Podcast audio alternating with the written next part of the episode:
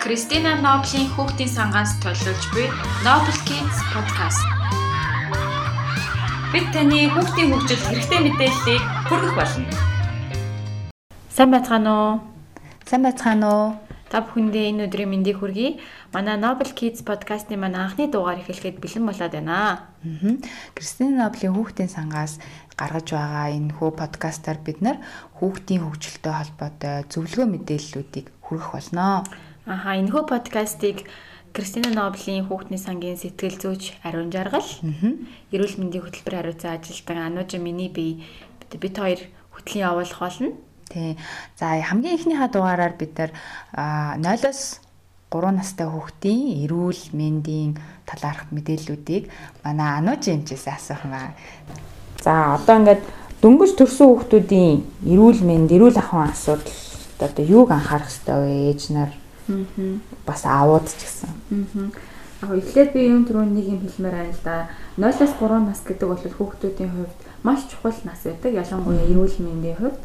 Аа өөрөөр хэлэх юм бол судлаачид бол олон улсын байгууллагууд юу гэж гэхээр хүүхдийн эхний 1000 хоногт хүүхдийн эрүүл мэндийн суурь тавигддаг. Бас оюугааны хөгжлийн суурь тавигддаг учраас эхний 1000 хоног бол үнэхээр чухал үе юм а гэж үздэг.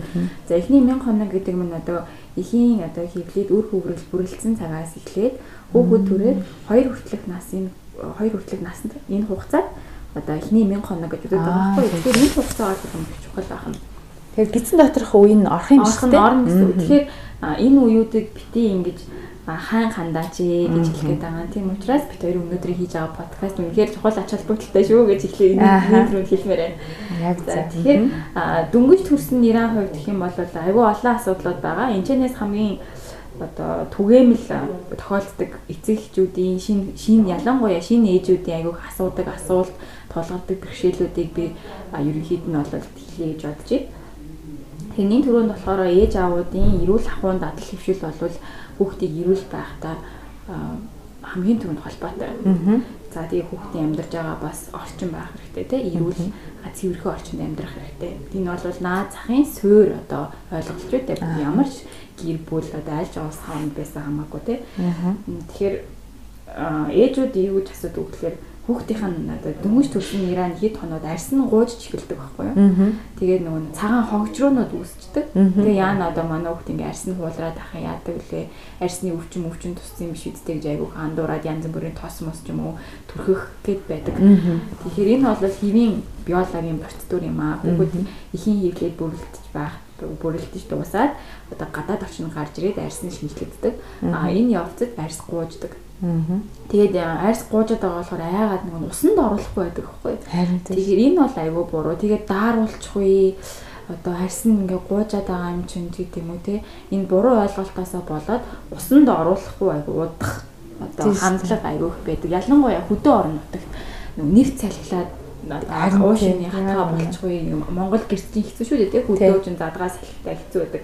А гисэн хэдий ч гэсэндээ бид нэр хүүхдийг дор хаяж ер нь бол эмчнэр өдөр болгон усанд оруулаач гэж зөвлөдөг. Эхний нэг сар бол аа тэгээд одоо бүр боломжгүй байх юм бол ядаж 7 хоногтой 4-5 удаа буюу 1 хоног өмжөөд усанд зайлшгүй бол шаардлагатай хүүхдийн гууцсан арьсыг нь унгаах тий тэгээ хүүхдийг эрүүл байлгахад айгүй хэрэгтэй байдаг. Арьсаараа амьсгална шүү дээ тий. Тий арьсаараа амьсгална хүүхэд хүлэрнэ энэ боломжийн арьс нь бүглэрнэ тий хүүхдүүдээс аягүй тухгүй мэдрэмж төрдөг байхгүй. Тэгэхээр энэ болгонд нь бол усанд оруулах зайлшгүй ач холбогдолтой юм аа. За усанд яаж оруулах вэ гэж асуудаг. Зүгээр усанд оруулах юм уу? Зарим нөгөө нь ясны шүүл харцай. Аягүй олон төрлийн юмд оруулдаг шүү дээ.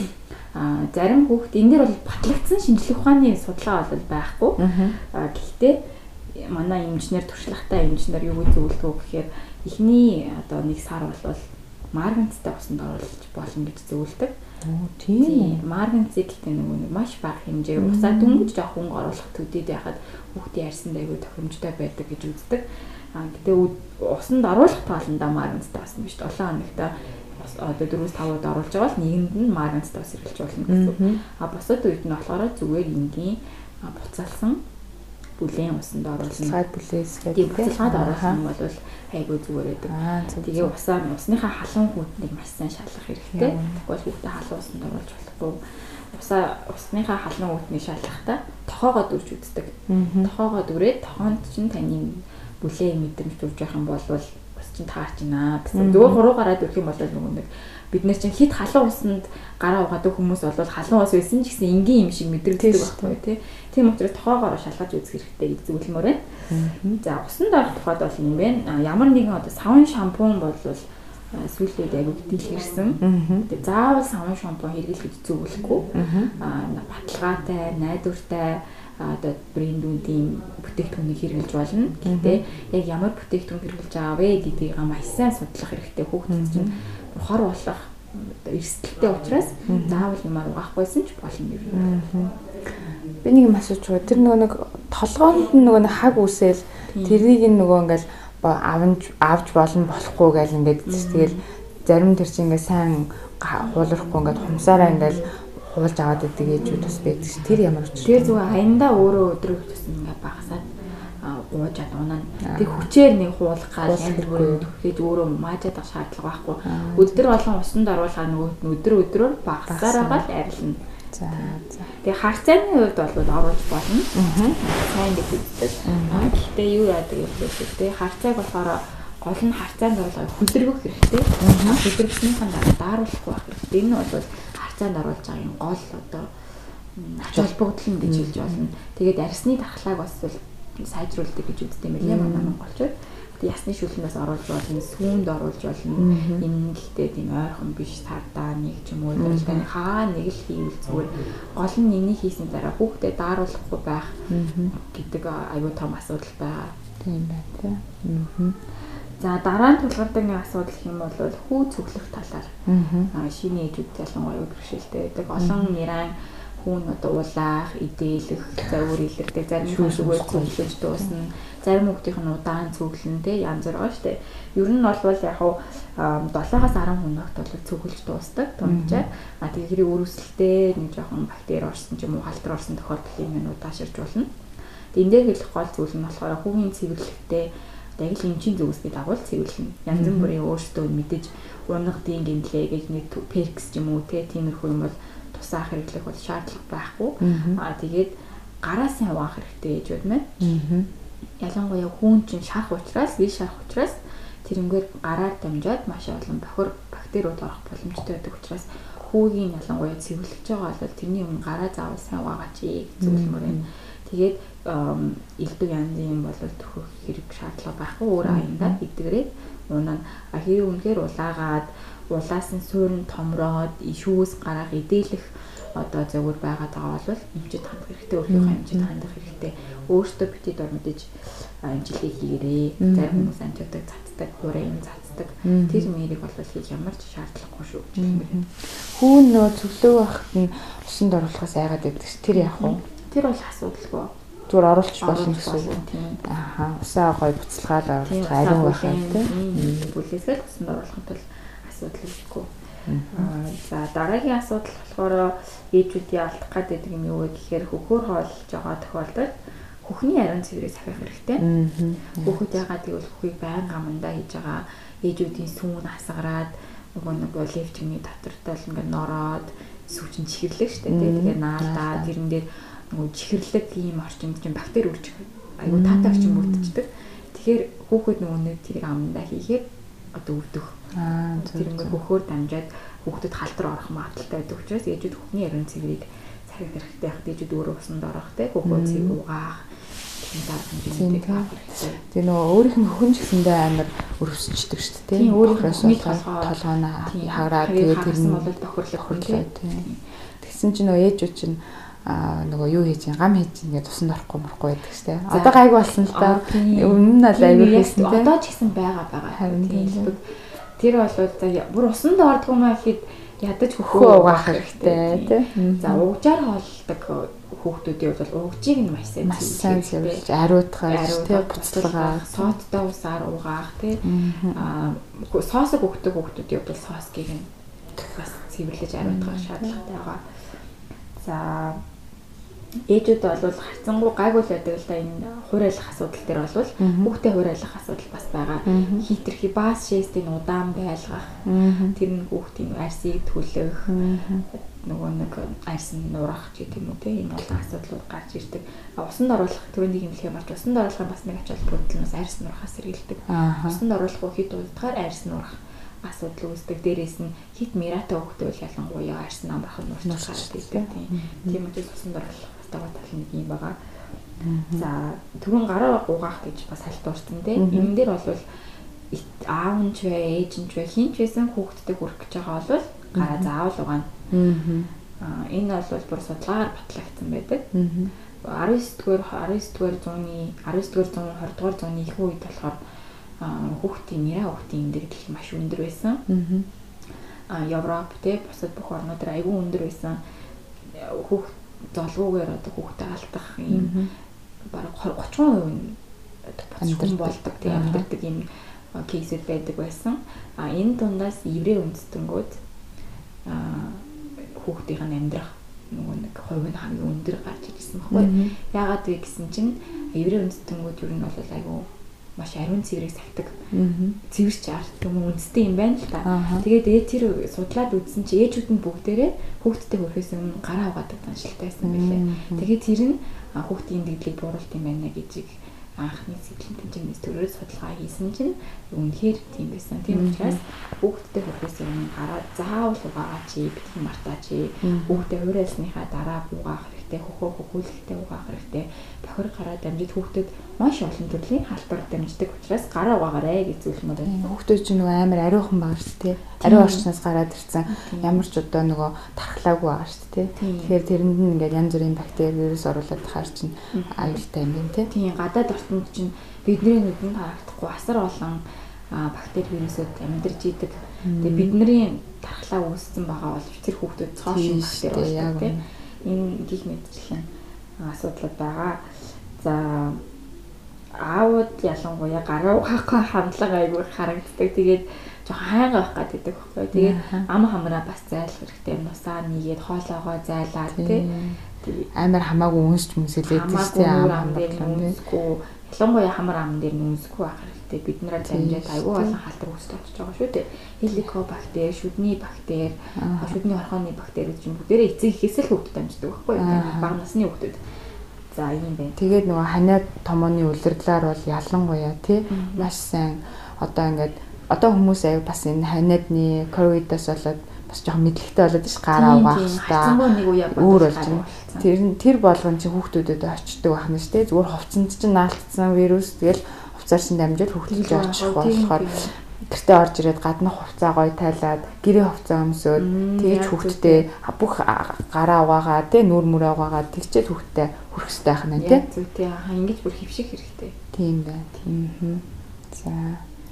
За нэг иймэрхүү байна яг бусад асуудлууд гэх юм бол хүүхдийн шаарлалт бас нэлээд түгээмэл асуудал байна. Сүүлээд их нэмэгдээд байгаа юм шиг зүгээр ингээд ойр орчмын хүмүүс л их яриад байгаа. Наад би ч гэсэндээ одоо хоёр эхний хүүхд дээр юу ч мэддгүйсэн шаармаар гэж хоёр дахь хүүхд маань шаарлалттай байна гэж ярьж ирсэн. Яг шаарлалтан дээр бол хөвгөр маш сайн хааллах хэрэгтэй гэж зөвлөдөг л дөө. Тэгээд энэ дээр бол айгу том сэдв учраас яг одоо ингэтийг гэж зөвлөх юм бол буруу энийг имлэгт имжлэх ёстой. Төсний дараа имлэг өрүүлэнаад шаардлагын аппаратаар шаардлагын хэмжээд ийм болох шаардлагатай юу, шаардлагагүй юу, ямар арга хэмжээ авах гэдэг хэмжээр шийдэх учраас бид нэр өөрсдөө гэрээрээ дур мэдээ асуудал бол хэмжилгээ хийх шаардлага. Чи ер нь шаардлагат гэдэг чинь угаасаа байдаг тийм одоо байгалийн үзэгдэл юм шиг үлээ шүү дээ. А тэрэн зүгээр яг зарим хүмүүсээр миний ойлгосноор бол жоохон их байгаад байдаг.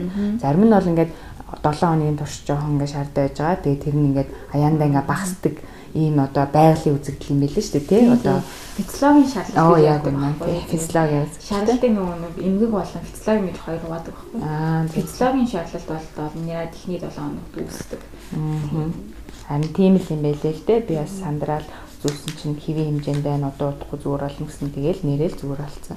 Аа яг хоо дими эмчнэрийнхаа үгийг сайн сонсох нь тий тэр хүмүүс чинь ингээд оншилж ш за ийм хэмжээ бол ийм ийм хэмжээ бол ийм та тийшээ яв гэвэл тийш нь яваад та 50 бай гэвэл 50 байх хэрэгтэй. Янз бүрийн хүмүүсийн яриаг сонсож ингэж бас сэтгэл санаагаа өмөрүүлж хэрэггүй те. Амын яриагаар аюул шийдэх гэдэг байхгүй юу? шаардлагатай нөгөө лиг 52 болгодог тий. Шууд өгчт юм уу? Шууд өөртөө уудаг гижина гэж уучдаг тий. Эмчнэр юугаа мэдтiin гэдэг юм уу? Нүрхийн эмч мэддэг үү юм уу? Залуу эмч байх юм бол үгийн тухайд хөвж гэдэг юм уу? Шалгалт айгүй илбэг байдаг учраас Монголд харьцангуй нөгөө нэг имжлэгтэй имжлээд сурчсан эндэгдэл гарах нь айгүй байдаг. Баггүй шалгалтаас үүс тийм болохоор энийг эмчнэртэй даатгаарай гэж хэлмээр. Тийм байна тий.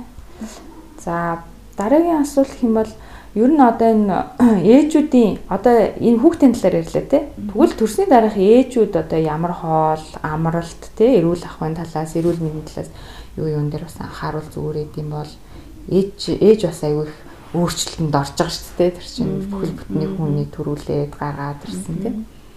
Аа мэдээж яг тийм л те.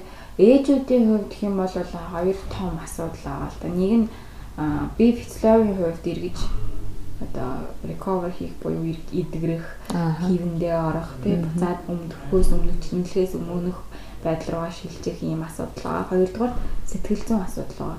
Сэтгэл зүйн талаар бол хоёлаа тусдаа ярих гэж тий. дараагийн дараагийн дугаарт ярих бах тий. Аа би цэцлагийн хувьд гэж ярих юм бол хоолт гэж ярьсан тий. Хоолт амралт нөгөө нэг сүүн оруулах дээр л хамгийн их хоолнд анхаардаг байхгүй. Өөрийнхөө одоо бусад юу зүйл болвол үндэстэн үндэстнээсээ хамаарат улс орноос хамаарат яг өөр үт юм билээ л тий. Манай монголчууд болохоор нөгөө нэг хоньны 0 шил гэж яг 0 шил уудаг. Айгу тэнхрүүлдэг гэх тий. Мөнхтэй шил уудаг тий. Мөнх нөгөө нэг сав агшаах гэх мөнхтэй шил далайн байцаатай шил гээл тэгэл хар шил уугаад ер нь хөвчлэн шил уудаг. Хар шил уудаг тий. Хүүхдтэйгээ холбоод ярих юм бол хөхөөр дамжаад хүүхэд маань хөхөөр хоолж байгаа учраас Хөхний сүүнд агуулгадж байгаа бүх зүйл хүүхдэд очиж байгаа учраас элдв янзын юм идэхгүй байх хэрэгтэй. Их чихэрлэг юм идэхгүй байх. Тэгэхэд хурц хоол идэхгүй байх. Тэгээ шаарсан, хуурсан, хитүү, тослог юм бол идэхгүй байх хэрэгтэй. Аа тэг хүн хүний онцлогоос бас шалтгаалдаг юм байл л дээ. Сүү орох тал дээр бол зарим хүмүүс бичээ идээд л шар будаа идэнгууд амар сүү орчдөг. Тэгээд айгүй олон ээжүүд хэд их хурлан бүтээгдэхүүн үзснээсээ болоод тархалт үүсдэг төрсний дараа тархалтанд ингээ хаяхгүй бүр улам нэмдэг асуудал байдаг. Аа яг олон улсын нөгөө нэг судлаачд юу гэж зөвлөдөг вэ гэхээр их ус уух хэрэгтэй гэж зөвлөдөг. Аа. Ээжүүд сүү оруулах үүднээс бас өөрийнхөө биеийн эрүүл мэндийн үүднээс маш их ус уугаач. Ялангуяа бүлээн ус баг багаар уух хэрэгтэй. Нэг дор ихээр биш. Тэгэх юм бол өхөнд маш сайн сүү оруулдаг. Аа дээрээс нь ногоон өнгийн ногоонууд аа төмрөөр баялаг, С витаминаар баялаг байдаг учраас ээжийн алдсан эрдэсийг одоо нөхөхөд тусламжтай. Дээрээс нь сүү оруулах бас маш үр дүнтэй арга байдаг. Хөвчлэн тоодгүй л дээ ногоон ингээ ногоо юу нь бол махал идгээд тийм одоо миний сонсноор ерөөсө бичэн те урлан боо шар будаа сүтэ цай одоо те ингээ шар будаатай цай тэгэл хоол махал гэж ярьдаг. Би ерөөсө ус гэж ерөөсө сонсоогүй байхгүй маш их уух хэрэгтэй. Тэгээд байцаа тий байцаа гэж юм бол тэр мэричүүд баг сэрүүдэн гэдэг. Тэгэл зарим бас будаа идэж болно болохгүй гэж ярьдэн шүү дээ. Шинжлэх ухаанаар бол яг будаа идэх юм бол сүү татардаг гэсэн юм байхгүй. Японы сонгосууд бол будаага идсээр л байдаг тийм шүү дээ. Тийм би ч гэсэн будаа идчихэл гэсэн ямар ч миний сүүнд бол ямар ч өөрчлөлт ороогүй. Багсаачгүй хэсээчгүй. Зарим хүмүүс ялч юу миний сүү будаацсан сууж татарцсан гэж ярьдаг байхгүй. Тэгэхээр бас тухайн эмэгтэй биелцлийн онцлогтой бас холбоотой байж болох байх тийм. Байна. Аа тэгээд бас нэг анхаарах юм нь болохоор ээжүүд төрсний дараа нөгөө нэг витаминуудаа сайн уух хэрэгтэй. Аа. Өөрсдийнхөө эрсдэлийг хамгийн маалцж байгаа юм шиг тийм төмрийн бэлтгэл, кальцийн бэлтгэл, Д витаминыг бол зааш. Тэр нөгөө перинатал гэл одоо нөгөө төрхийн өмнө ууж исэн витамины өргөл уучт юм бэл тийм болон болно. Одоо манад их түгээмэл хэрэглэж байгаа бол илүү бит байгаа. Тэгээ перинатал гэл тий айгүй олон витаминууд орж ирдэг болсон. Алийг хэрэглэж болно тий. Аа. Тэгээ нөгөө би бол миний туршлагаар бол би ингээд нөгөө хоол идэхээс илүү унтангууд л амар хэсүү ороод исэн. Унтаж амарх амар гоё одоо айгу хэрэгтэй байсан юм шиг надад санагддээ. Тийм тийм юм уу. Тэр талаар яриач. Аа яг унтах унтах бол бас зайлшгүй хэрэгтэй. Ээжид өдөр бас нэг унтах хэрэгтэй. Шүн нойрон бас авах хэрэгтэй. Тэгэхээр ээжид ядраад их хэрсүү багсдаг. Харин тийм тийм. Тэгээд эргэж хөвөндөө орох асуудал удаашрын өвчин дүртэмтгий болно дахлаас улирсан байгаа учраас тэгээд дагаад стресс нэмэгдэнэ. Тийм учраас ялангуяа шүнийг бол аауд нь дагаад авчвал айгүй зүгээр. Тэгээд эсвэл бол ядаж хүүхдтэйгээ зэрэгцэл унтаад байвал тий. Хүүхд нь боссон үед нь босчоод унтангууд нь унтаад байвал хэрвээ чаддаг бол өөртөө ингэ сэтгэлээ амар байлгаад тэгээд өөг нь унтаад байвал сайн юм шиг санагдсан. Би ингээл унтаал босоод ирэнгүүт миний сүү амар орцсон байдаг байснаа яг санаад байдгийг. Нойр багасгаад сүү татдаг байхгүй ээж ядраад эхэлдэг байхгүй. Хангалттай хэмжээгээр амарч чадахгүй болвол сүү багасдаг. Тийм. Зөв зөв. За тэгвэл одоо энэ хүүхдүүдийн одоо угаасаа эхийн сүүгээр хооллохыг бол бүр дэлхийн эрүүл мэндийн байгууллага болон бусад бүх газраас зөвлөж байгаа тий. Дор хаяж би одоо ингэж сонсноор бол 2 нас мас 1 нас гэлээдэг. Энэ яг ямар тоо байна те хизээнээс нэмэлт хоолнд оруулж эхлүүл зүгээр вэ. Аа. Дэлхийн эрүүл мэндийн байгууллагын зөвлөснөр бол 6 сар хүртэл нь хүүхдийг зөвхөн хөр олохыг дэмждэг. Өөр ямар нэг юм байхгүй. Тий, өөр ямар. Тэр үед ус ч өгөхгүй юу? Ус өгөх. Аа, ус уух нэмэлт тоол биш те. Нэмэлт тоол. За. Бусад нөгөө нэг каш, бантам юу гэдэг. Аа. Ягаад гэвэл ээжүүдэд нөгөө нэг ялангуяа мера ихтэй төрсэн хүүхдүүд ажиглагдах байдаг нэг юм болохоор эрт хаар бор хоолнд орчих байдаг. Манай хүүхд хөхөндөө чадахгүй байна. Эсвэл хоол харахаараа идэх гээд байна. Өсөөд ах шиг байна ч гэдэм үү. Тэгээд нөгөө ээжүүд зүүн бэлгэрээ 4 сартаагаас нь ч юм уу. Тийм. Тэр тэгээд жигнэсээ тэр хүүхдүүд гэж өсөд байна уу? Зүгээр ингээ хоол хараад зүгээр инстинктээрээ тэгээд байна уу? Яа гэм бол судалгаагаар нөгөө нэг хэлсэн гаргаснаар бол эхийн сүү бол хүүхдэд өсөхгүй гэдэг баггүй. Эхийн сүүнд хүүхдэд өдөрт авах хэвээр нөгөө ноором хэмжээ аминд юм бол бүгд агуулгадчихдаг аа. Тийм болохоор 0-6 сард нь бити юм өгөөч гэж зөвлөж. Тэгээ яалтчгүй нөгөө сүү багтай сүүн гарахгүй байгаас л бүхний асуудалтай ч юм уу тийм ээжүүд бол нөгөө нэмэлт сүү. Тийм сүү штэ тэр бол нэмэлт хоол. Сүү. Сүү оож байгаа. Эхийн сүүнд юу агуулгаддаг вэ гэхээр сая хэлсэнтэй өдөрт авах хэвээр бүх уураг, мөс ус, өөх тос нь бүгд агуулгадж байгаа дээрээс нь төмөр агуулгаж байгаа. Эсрэг бие гэж яриад байгаа шүү дээ. Одоо коронавирус болоод бүр эсрэг биеийг сайн мэддэг болсон байна хүмүүс. А эсрэг бие гэдэг нь одоо иммун глобулин гэж ярьдаг байхгүй юу манай мэрэгчлэр. Энэ нь хүүхдийн тархлааг маш сайн дэмждэг. Хэлбэл гадны бактери орж ирэхэд түүний эсрэг тэмцэх эсүүдийн ээжүүдийн хүүхний сүнд агуулгадж идэг. Ялангуяа ангир уурганы ангир уурганд маш их хэмжээгээр агуулгадж идэг. Ангир уурга мэн гэдэг маань эхний 7 хоногт За эхний 3-аас 4 хоногт юм байна. Ээжүүдээс ялгарч байгаа нэг тослог шар гардаг юм бүтэн одоо сүг жоохон түн шар нэг юм зэхэрдүү байт юм шүү. Яг сүш өнгөтэй биш байдаг шүү дээ тий. Гэхгүй минийх тийм байсан юм бол. Янз янз дээр тод ихэвчлэн тод шар өнгөтэй байдаг. Тийм. Тийм. Аа тэгээ тэнцээ бол ямар ч ээж байх. Ямар ч ихэнд л гарч ирж байгаа тэр сүүл ангир уург бахна шүү. Нэг дараа нь тогтворчсон тийм сүүнээс илүүтэйгээр тэр нөгөө нэг дархлааны эсүүд цагаан эс аахгүй юу? Ер нь бол цагаан эсүүд уураг маш их хэмжээгээр агуулгаж идэг учраас хамгийн ихэнд нөгөө нэг ангир уугийг амлуулаач гэж ялангуяа маш их хичээгээд байгаа тийм би. Аа тэгээд энэ нь болохоор хүүхдийг өдөр тавах хэвээр бүх хэрэгтэйг хангалтж байгаа учраас санаа зовх шаардлага байхгүй. За тэгээд өөр өөр гэх юм бол хийн сүнд нөгөө ханаагүй тосны хүчлүүд буюу одоо бидний мэддгээр омега 3 агуулгаж идэг. Аа за тосон бүтдтэй учраас энэ хүүхдийн тархины хөгжил маш сайнаар нөлөөлдөг байгаа. За тэгээд лактоз бас агуулгаддаг 100 г эхийн сүүнд ойролцоогоор 7 г лактоз агуулгаддаг. Энэ чинь ашигтай бактери л үү? Сахар гэх юм уу? Аа за. Олиго сахар гэж ярьдаг байхгүй юу? Тэгээ энэ нь болохоор яг хүүхдийн нөгөө гол илчлэг тэжээлийн нөгөөд байгаа зүйл нь бол хэмжээгээр оршиж идэг. За тэгээд өөр гэх юм бол бас нөгөө нэг сүү муутай гээд э, хөдөө орон нутгаар илбэг тохиолдох гэдэг зүйл нь үнэний сүү, ямааны сүү болгочихдог тийм эсвэл нөгөө ээжийн ихэн сүүх боломжгүй ч юм уу тийм хүмүүс байгаа шүү дээ.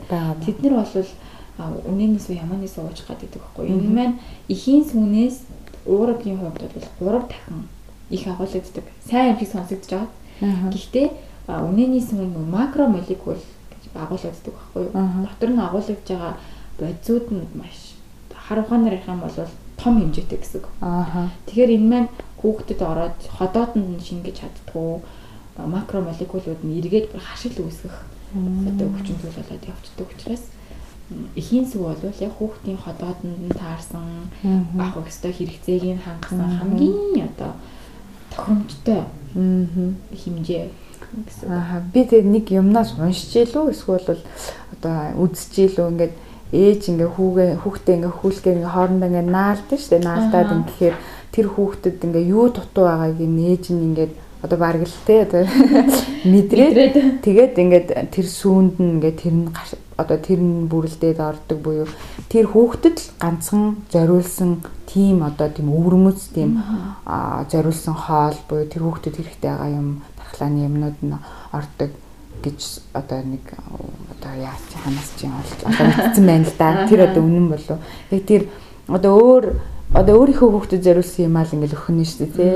Тэгэхээр тэрэн зориулсан ганцхан тэрэн зориулсан айгуу гоё тийм хоол ахна шүү дээ. Тий яг нөгөө нэг ээж болгоных сүүний өөр нь бол өөр л дөө гарцсан нь бол өөр доторх агуулмын нь бол яг л судлагдсан байгаа.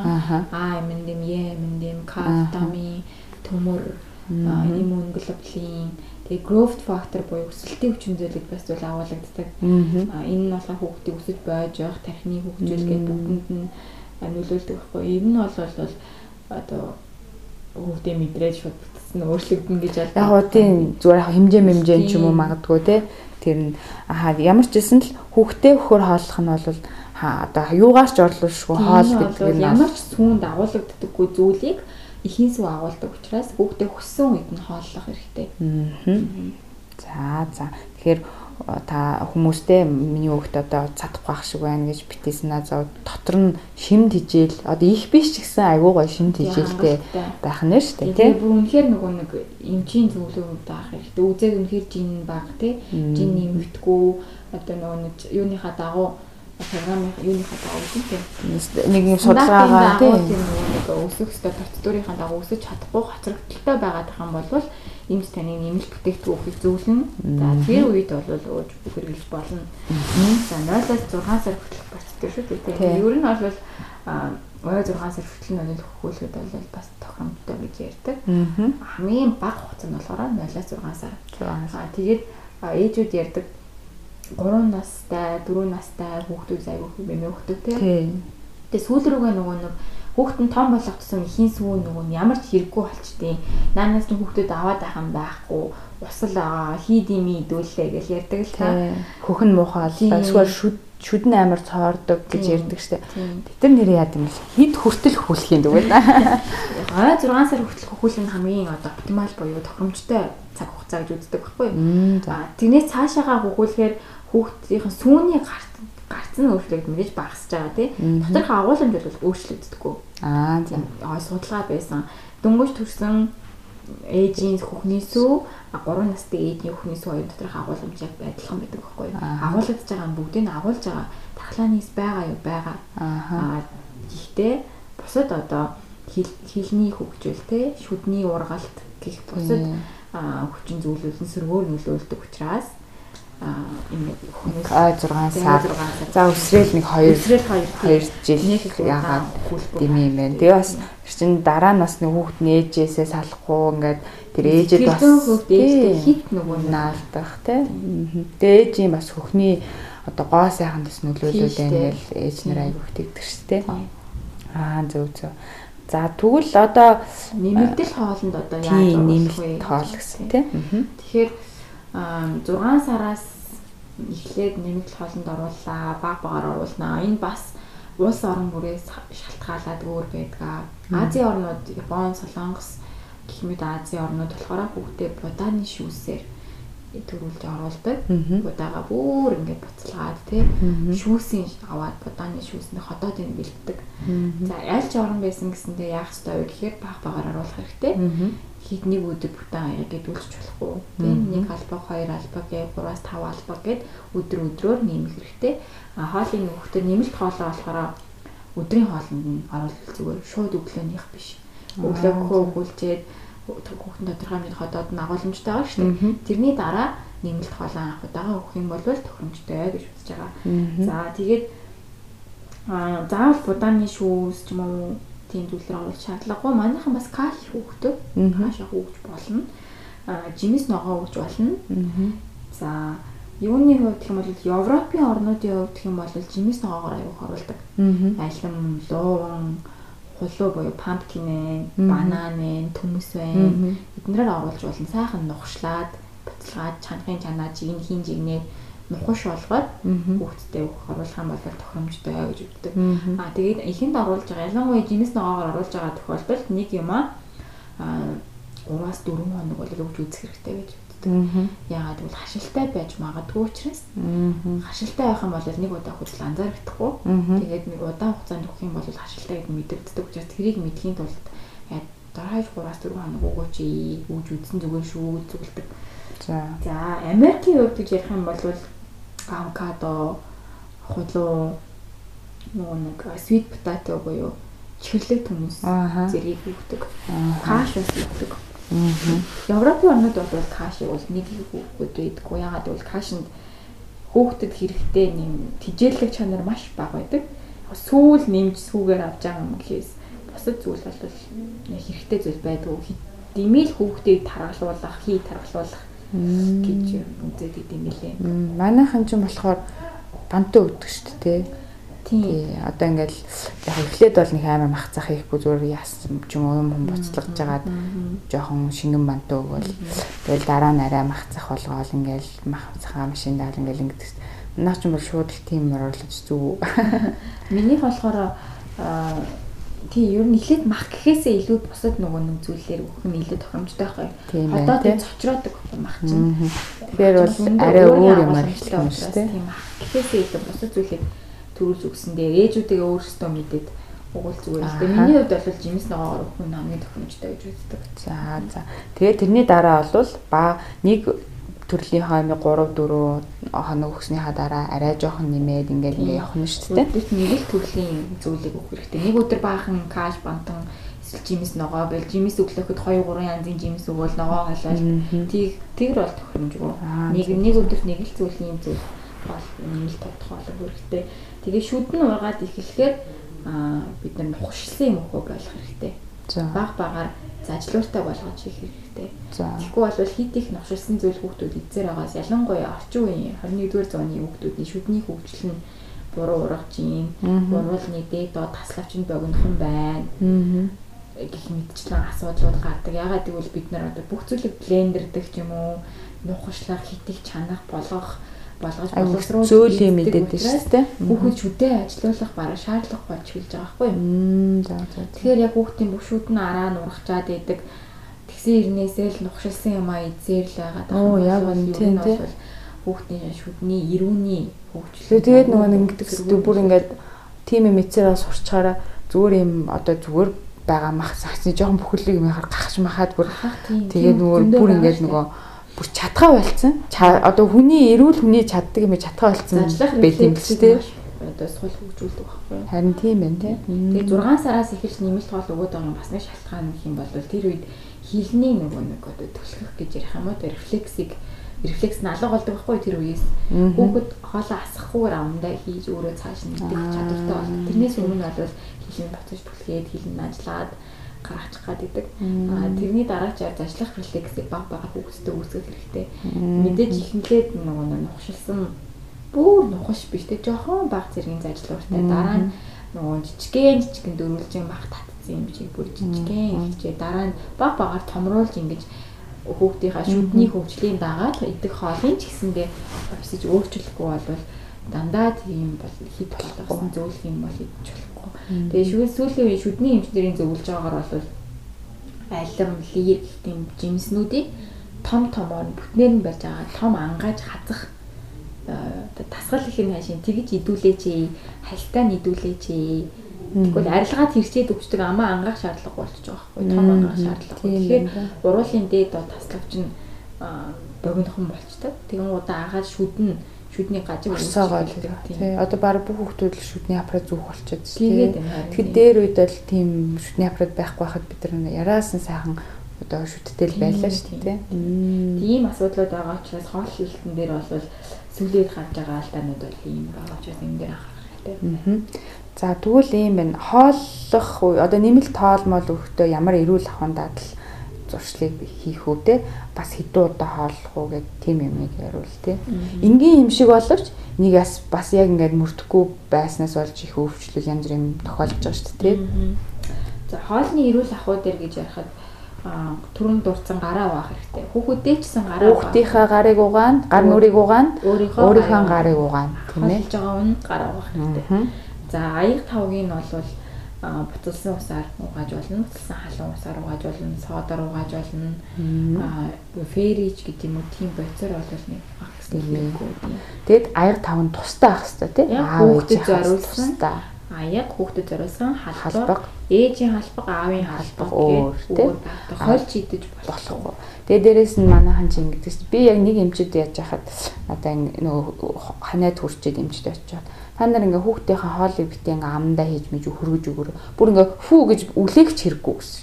Тэрийг ингээ байлгаж ингэж одоо тийм ээ аясаар нь ингэж хөргөөд тэгээд амруу нь хий. Бити энэ өөрсдийнхээ амд хамрагдах бактери ингээд хүүхдийн хоол руу хийгээд амруу нь хийгээд аачээ гэж загнуулж исэн. Зөв зөв. Дээр үеийн хүмүүс бүр өмнөөс нь зажлаад амт хийж өгдөг байсан шүү дээ. Гэхдээ одоо манай ээж аваа одоо тэгтгэл байсан гэж ярьдаг. Гэхдээ одоо бол шал өөр шүү дээ тийм.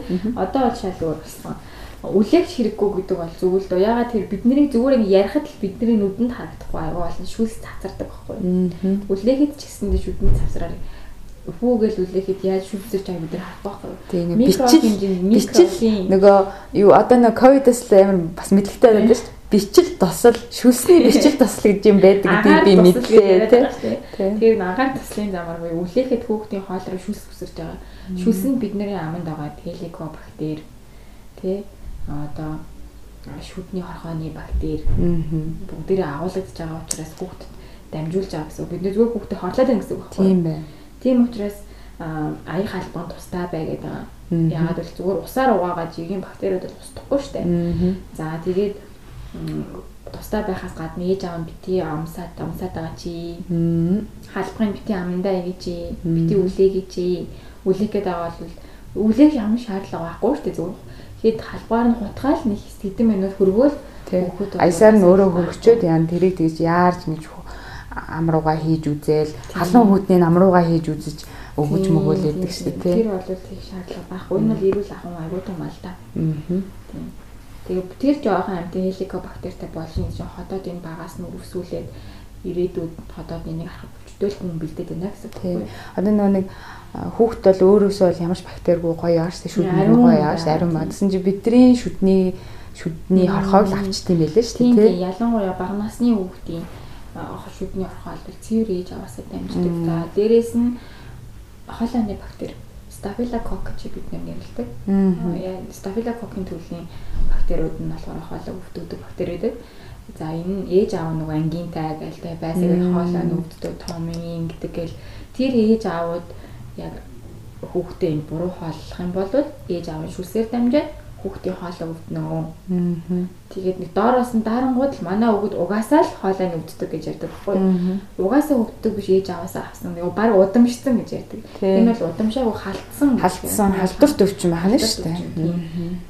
Тэгэхээр гих мэдчлээ айгүй олон бид нэр хүүхдүүдэд бактериудыг дамжуулах эрсдэлтэй байдаг учраас энэ эрүүл ахуйн Тийм наад захын эрүүл ахуйн дадлыг ингээ хэвшүүлчмээр байна гэж чинь тий.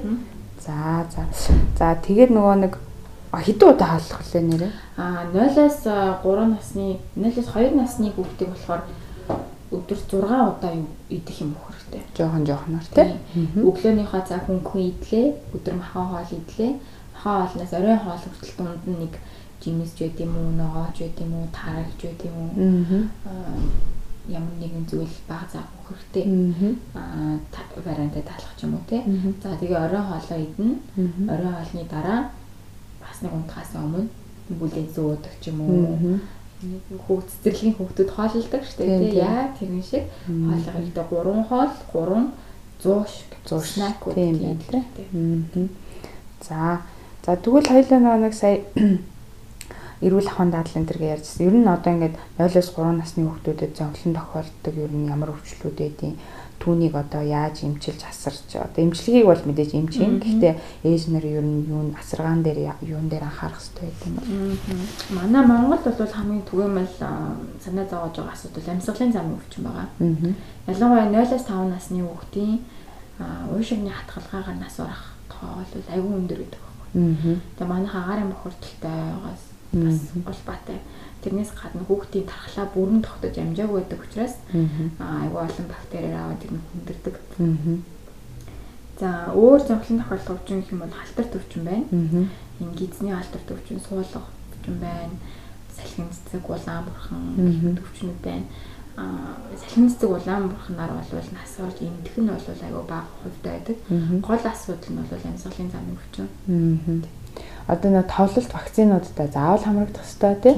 Аа тэгээ хажуугаар нь одоо хүүхдээ өвдчих юм бол яаж асар цуглах хэрэгтэй тийм бол аа тэгээ тэр нөгөө ээж аав нь хажууд нь одоо тийм ээ тамхи татах ч гэдэм үү одоо тийм ямар эрүүл ахуйн асаргааны хүүхдэд наазах аюулгүй орчин бүрдүүлэх хэрэгтэй юм байна.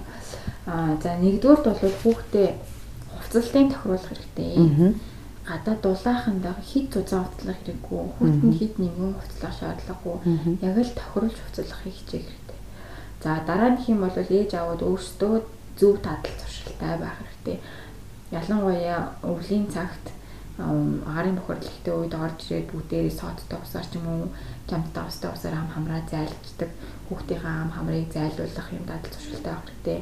Хүүхдийнхээ шүдийг өглөө орой болгон ээж аваад нь өөртөө тав хүртэлх насны хүүхдтэй ээж аваад хүүхдийнхээ шүдийг заавал өөртөө гаж хэрэгтэй. Хоёр шүд анхны цахиур гарч эхэлсэн цагаас хүүхдийн шүдийг угаах хэрэгтэй гэж байгаа юм.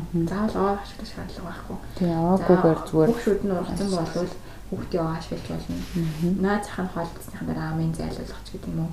Ээж аваад өөртөө тэр үйлдэл үлгэрүүлж харуулах хэрэгтэй. Өөртөө хажууд нь хам шүдээ угаах хэрэгтэй. Энэ маань бас нөгөө нэг ам хамраар орсон бусад бактериудыг цааш нь амьсгалын зам руу оруулахгүйгээр гадагшлуулах бүрдэлсэн сэргийлж бач холбогдолтой. Зөв зөв. За мэдээж арх тамхины хэрэглээ байна те. Тамхины хэрэглээ ялангуяа дам тамхитл гэдэг айгу мэддэхгүй хэрнээсээ маш хорон мэдээд гэдэг.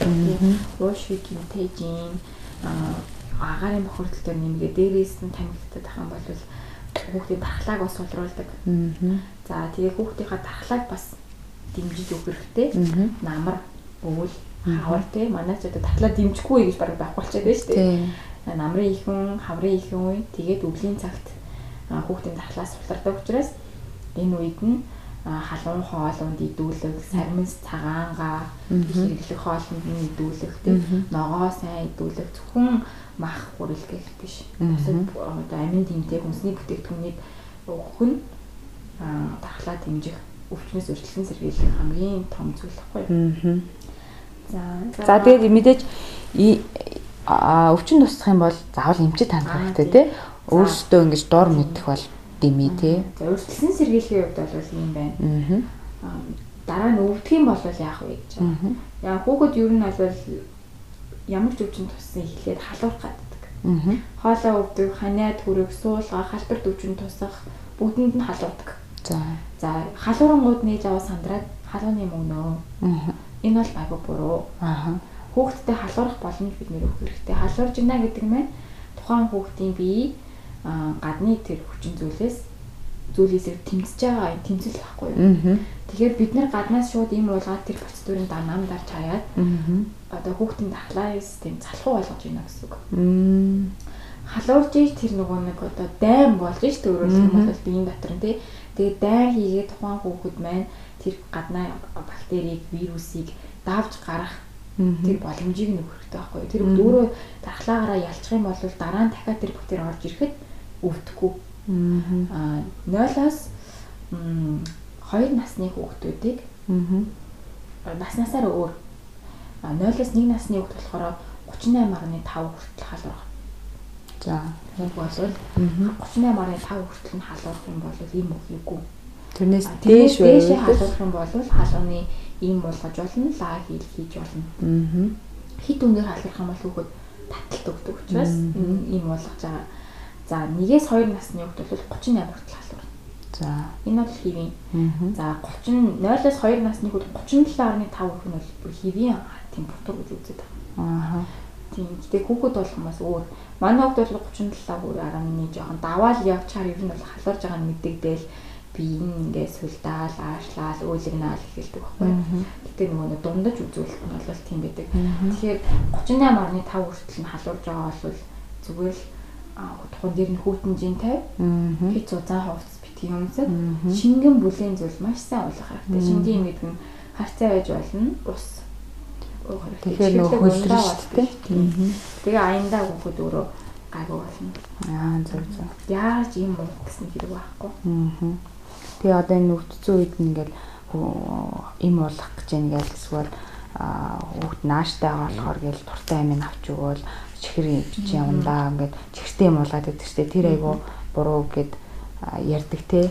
Тийм ялангуяа өвдцэн байгаа үед нь өвлийн цагийн үед ч юм уу те чихэрлэг бүтээгдэхүүн хийх хэрэглэх нь хүүхдийн дахлаар маш их сулруулдаг. Дахлаас сулруулдаг гол хүчин зүйлүүдийн нэг нь бол чихэр аа оо бидний нүдэнд харагдахгүй бидний мэдхгүй байгаа олон хүнсний бүтээгдэхүүн дал сахар гэж ярьдаг тийм энийг агуулдаг. За тийм учраас чихэр ялангуяа өвдсөн байгаа үед нь чихэр битэг ханаа төрсөн үед огт битгий чихэр өгөөч. Чихэр идэх гээд байгаа бол оронд нь нөгөө витамин C-ний үрэлж юм уу? Нэг өөр юмар саатуулж жимс мэмс ч юм уу тийм. Жимс үг болж юм. Одоо витамин C-гэр баялаг жүрж ч юм уу мандрин алим мөгж болж юм. Алимны шүүс чинь яг цэвэр алимны шүүс өгвөл бас сайн гэж миний очдөг юм шиг байсан. Цэвэр алимны шүүс. Алимны шүүснээс илүү нөгөө жүржийн шүүс фрэш жуус гэж ярьдаг. Тэгээ энэ бол витамин С-ний агуулга маш өндөр байдаг учраас илүү сайн байдаг. Аа. Тийм. Тэгээд нөгөө Тэгэхгүй болохоор нөгөө хүүхдүүдтэй нөгөө сахартай юм өгчвөр нөгөө угаасаа амар ингээд цэртэй байгаа дээр нь тэрийг бүр улам нэмүүдүүлэн сэрвэлзүүлэн тэгээ хоолойг ингээд сэрвэлзүүлэн тэгээ ингээд төрүүлдэм байна л. Би одоо зүгээр хар ухаанаараа тэгээ ингээд сахарч ингээд зууралдаал тэгдэг штеп тэнгүүд ингээд хоолонд нь байгаа тэр нөгөө нэг гарч гарч чадахгүй байгаа тэр нөгөө цэрмэрийн улам зууралдуулд юм байна даа л гэсэн л ойлголттой л байгаа даа нөгөө нэг сахар чинь нүүрс ус те нүүрс ус яадаг гэхээр гизний нөгөө нэг ашиггүй бактери тэрийг нэмэгдүүлдэг. Ашиггүй бактериуд буюу гадны нөгөө нэг энэ яг вирус чинь хоолж байгаа ганц зүйл нь сахар нүүрсэс үүдэх байхгүй. Тэгэхээр энэний балансыг алдагдуулж байна гэсэн үг. Тэгээд сайн ажиглах юм бол чихэр их үдсэн үед хүүхэд хоолндоо муудчихдаг. Яагаад гэвэл авах хөстэй нөгөө нэг өдрийнхөө хэрэгцээ тэр илчлэгийг чихэрнээс авч байгаа болохоор хүүхэд нэмж тижэл авах хүсдэггүй. Тэгээд нөгөө шим тижээлтэй идэх ёстой гол аминд юм хоолоо идэхгүй болохоор дахлаас улардаг. Тэгээ оронд нь нөгөө нэг ашиггүй бактериудаа нэмэхээр чинь дахлааг нь ямар ч дэмжиж өгөх байх улам сулруулаад өвдсөн байгаа үед нь бүр дэмжих биш бүр бүр дайсны тал руу ажиллаж байна гэсэн юм байна шүү дээ тий. Тэгэхээр яаж ч одоо уйлж исэн гэсэн одоо тим юмнуудыг л битээ өгөрэй гэж зөвлөж байна тий. За өөр ямар зөвлөгөө өгж болох уу? А одоо өшөө хүүхдүүд өвдсөн үед. За нэраа хүүхдүүд дээр бол нөгөө гидсний дүрэнх Өө тийм тэр чийс амар асуудал болдог шин. Тэгээ шинхээ ээж аваад бол яахаа мэдгүй бараг л миний гиз өвчгүй явдаа л гэдэг шин тий. А нин түрүүнд гизэн дүүрснээс болоод ингээд завуурлаад үлэгнаад яах гээд байгааг мэддэхгүй хүүхэд ингээд тухгүй оргоо сайн янзгаагаад янз болдог. Яагаад байгааг нь мэдгүй байдаг байхгүй юм болно. Тэгээд нэг сараас ахуулаад хүүхдэлэн янз бүр. Гэтэ ер нь бол нэг сараас эхлээд гидсний дүүрэн эхэлдэг. Зарим нэг сар болоо байгаа ч эхэлсэн явж идэг. Энэ гидсний дүүрэнгээс болоод байгаа шүү. Аа гидсийн сайхан илээ. Гидсний ингээд тогшоод үзэхээр ингээд хий дуугардаг байхгүй. Тэрийг ер нь бол эхлээд аа гидсний дүү гидсэн дүүрээд байгаа юм байна штэ гэдгийг ялгаад мэдчих хэрэгтэй. Би нэг хөдөө орон нутагт явж байгаад тийм ээж аваартай таарлажсэн л та. Хүүхэд нь юмнаас айцсан гэж бодоод ингээл орой олохоор л ингээл янзгаагаал мемэсний дараа л ингээд сонирн болоод үүлэгнаал ер нь сонирн байгаа даа маань хүүхд юмнаас айцсан гэсэн. Тэг яг үтсэн чинь хүүхд нь гидснийхаа хийгээс олоод зөөлөд байсан. Тэгээд гидсний хийгээд байдаг учраас элдв нөгөөнөөс ширэглэх янз бүрийн арга хашиглаад зүгээр болохгүй байгаа. Юм. Тийм учраас гидсний хийнд нь тохирсон гидсний хүүхдийн хийг гадагшлуулах ийм сиропнууд байдаг. Аа тэднийг хэрэглэж болно. Бас хүүхдийнхаа гизийг гоё дулаахан халуун гараараа ил тослоод илээ. тослоод илээ өнгөөлөх хүүхд айгүй гоё намжааж өгн тийм за тэгээд нөгөө бүлээ дулаан одоо даавуугаар ч юм уу? Ноолуураар ч юм уу? Өвөл төрс хүүхд ялангуяа айгүй тохиромжтой. Ноолуураар гизийн нөгөө баадагнах юм бол хий хуралдах нь гайгүй байдаг. Тэгээд энэ бол бас л физиологийн болох ёстой процедур учраас энэ дээр санаа зовоод айх зүйл байхгүй өөр хэлдэг зүйл санаа зовох. Зарим нэг юмыг нөгөө нэг яг шалтгааныг мэдэхгүй л уулаа одоо өөрөө мэдхгүй байгаагаа болохоор айцын ч гэдэг юм уу өөр юм руу ингээд ягаад ондоо юмар яваад байдаг хүмүүс аа тийм ингээд хариулаа лан занзуулаад баг хамарн битүүрээ ядж явах чинь дахиад арц марц уугуулал бүр хэцүү байдалд оролдог ч юм уу тийм хамар битүүр ч гэсэндээ хийвөө гэцлээ яах. Нарийн чих өвдөн гэж байдаг тийм бас. Чихэн нас амар их хатгуулж өвдөөл орилол чарлангууд нь одоо юмнаас айчлаа цоччлоо гэл тэг гинт гинт үлдэг штэ чихэн өвцөн хөвгүүд чинь чих өвдөх бол яг нэг цэцгийн процедур биш. Аа. Энэ бол нөгөө нэг дааруулсан эсвэл хамрын удаан битүү явснаас болоод эсвэл ханайднаас үүсэлтэй нусны гоожгууд хамрын битүүрээд тэг өгөөд нөгөө нэг имэ имэж жахта чих рүүгээ хий дараалт өгснөөс болоод чихийг өрөөсүүлждэг. Яг энэ тохиолдолд бол эмчид хандаж чихэндээ эмчилгээ хийх шаг чихэн эмчилгээг шаардлагатай. Хамар болохоор нөгөө нэг хүүхдийн сонь нэг гахаашаа дуграад байдаг ингээд гэд ингээд дуграад байдаг байхгүй юу. Тэгээ харахаар нус байхгүй юунээс ингээд дуграад ах юм одоо хамар амын зүгээр байгаа да битүү юм шиг дээ. Эсвэл нэг л цаанаа хамар нэг хав гунаад хөнгөдөд байна. Ямар нэг юм хэрэглэх шаардлагатай юм болов уу гэж боддог. Ингээд бол шаардлага байхгүй хүүхдийн амьсгалын зам нь гүйц төвжөөгөө маш нарийнхан байдаг учраас тэрнгээр нөгөө нэг агаар орж гарахтаа нөгөө чихэлдээд гэх юм уу тий. Тэгж дуурах нь бол хийм байдаг. Аянда зүгээр баг багаар зүгээр бол тий. За бас нэг зүйл нь түрүү явж байсан вакциндаа хамгаалах хэрэгтэй. За эхний нэг сар бол өрхийн имлэгээс шинэ нараанууд дээр эмчнэр ирж гэрээ үзлэг хийдэг. Тэр үед нь гэртээ байгаад хариуцлагатайхан шиг эмчийнхаа хяналтанд заавал орж оорой. За дараа нь хэм бол товлолт хугацаанд вакциндаа хамрагдаарай гэж хэлмээр. Вакцин бол маш олон өвчнөөс үргэлжлэн сэргийлэх таны хүүхдийг өвдөхгүй байх чухал ач холбогдолтой учраас хор мор одоо Орсын хятадын өвдгийн тэгж бодох шаардлагагүй тэгж бодох хэрэггүй вакциндаа заавал хариуцлагатайгаар хамрагдаарай. За дараа нь гэх юм бол 6 сар тутамд өрхийн имлээс А витамин тараадаг. Тэрийг нь 6 сар тутамд мартахгүйгээр тэмдэглэж аваад хүүхдэд А витаминыг нь авч уулгаж байгаарэ гэж хэлмээр байна. За бас нэг чухал зүйл нь юу вэ гэхээр D витамин. Аа эхийн сүүнд агуулгаддаггүй хүүхэд авч чаддгүй ганц зүйл нь D витамин байдаг байхгүй. Тэгээ манай Монголын нөхцөл нөгөө нэг наранд гарах хугацаа маш богино гэдэг учраас D витамин нарнаас авах маш хязгаарлагдмал хугацаа биднэрт байгаа учраас D витаминыг нэмэлтээр уулах хэрэгтэй. Төрсөн цагаас эхлээл нэмэлтээр уулах хэрэгтэй. Тэн дээр одоо тусал хэлбэрээр шингэн аманд нь тусаачдаг байгаа, тосон дуустдаг, усан дуустдаг гэдээ янз бүрийн витамин байгаа эднэрийг уулгаж болно. Тэгээд 0-5 насны хүүхдэд рахит, өв буюу рахит буюу сүлтаа өвчин манай Монгол бас илбэг байдаг учраас мэдхгүй явж байгаа хүүхэд нь хөлрөөд байдаг, шээсэн өмнөртэй гараад толгоонд анхаагаал нэрээ хүүхдийн өсөн унаад ирэх юм бол энэ дэвтэн дутагдж байгаа юм шиг. Тийм учраас төрсэн цагаас нь эхлээл дэвтмийн нэргэлцгүйгээр уулгах хэрэгтэй. За тэгээд нэг нас хүрснийхэн дараа ч юм уу эмчтэй хандаад D витамины цус шинжилгээ хийж гэж болно. Цусны дахь D витаминыг үзүүлээд дутагдaltaй байна уу, хэвийн байна уу? гэдгээс шалтгаалаад үргэлжлэн сэргийлэх том гаруугүй, эмчилгээний том гаруугүй гэдгээ эмчтэйгээ ярьж агаад шийдэж болно. D витамины уухай битгий мартаарай. Өөх юм болов уу, яах юм бол? Манай хүүхдийн дутуу байгаа болов уу, хэвийн байгаа болов? уу гэж эргэлцгүйгээр хөдөлгөөний сэргийлэг тунгаад нээлж нэмжээсээс өвлгөө аваад тунгаад харуулаад уух хэрэгтэй. Аа. Нэмэлт зүйл гэвэл нэг иймэрхүү зүйлүүдийг хийлээ гэж байна. За өнөөдрийн бидний ярилцах цаг ингээд дуусж байна. Үнтэй сайхан зөвлөгөөнүүдийг, мэдээллүүдийг өгсөн ануучиндаа баярлалаа. Намайг бас энэ олон зөвлөгөөнүүдийг өгөх боломжийг олгосонд баярлалаа. За, за бүгдөө дараагийн подкастын дугаараар уулзцаая. Баяртай.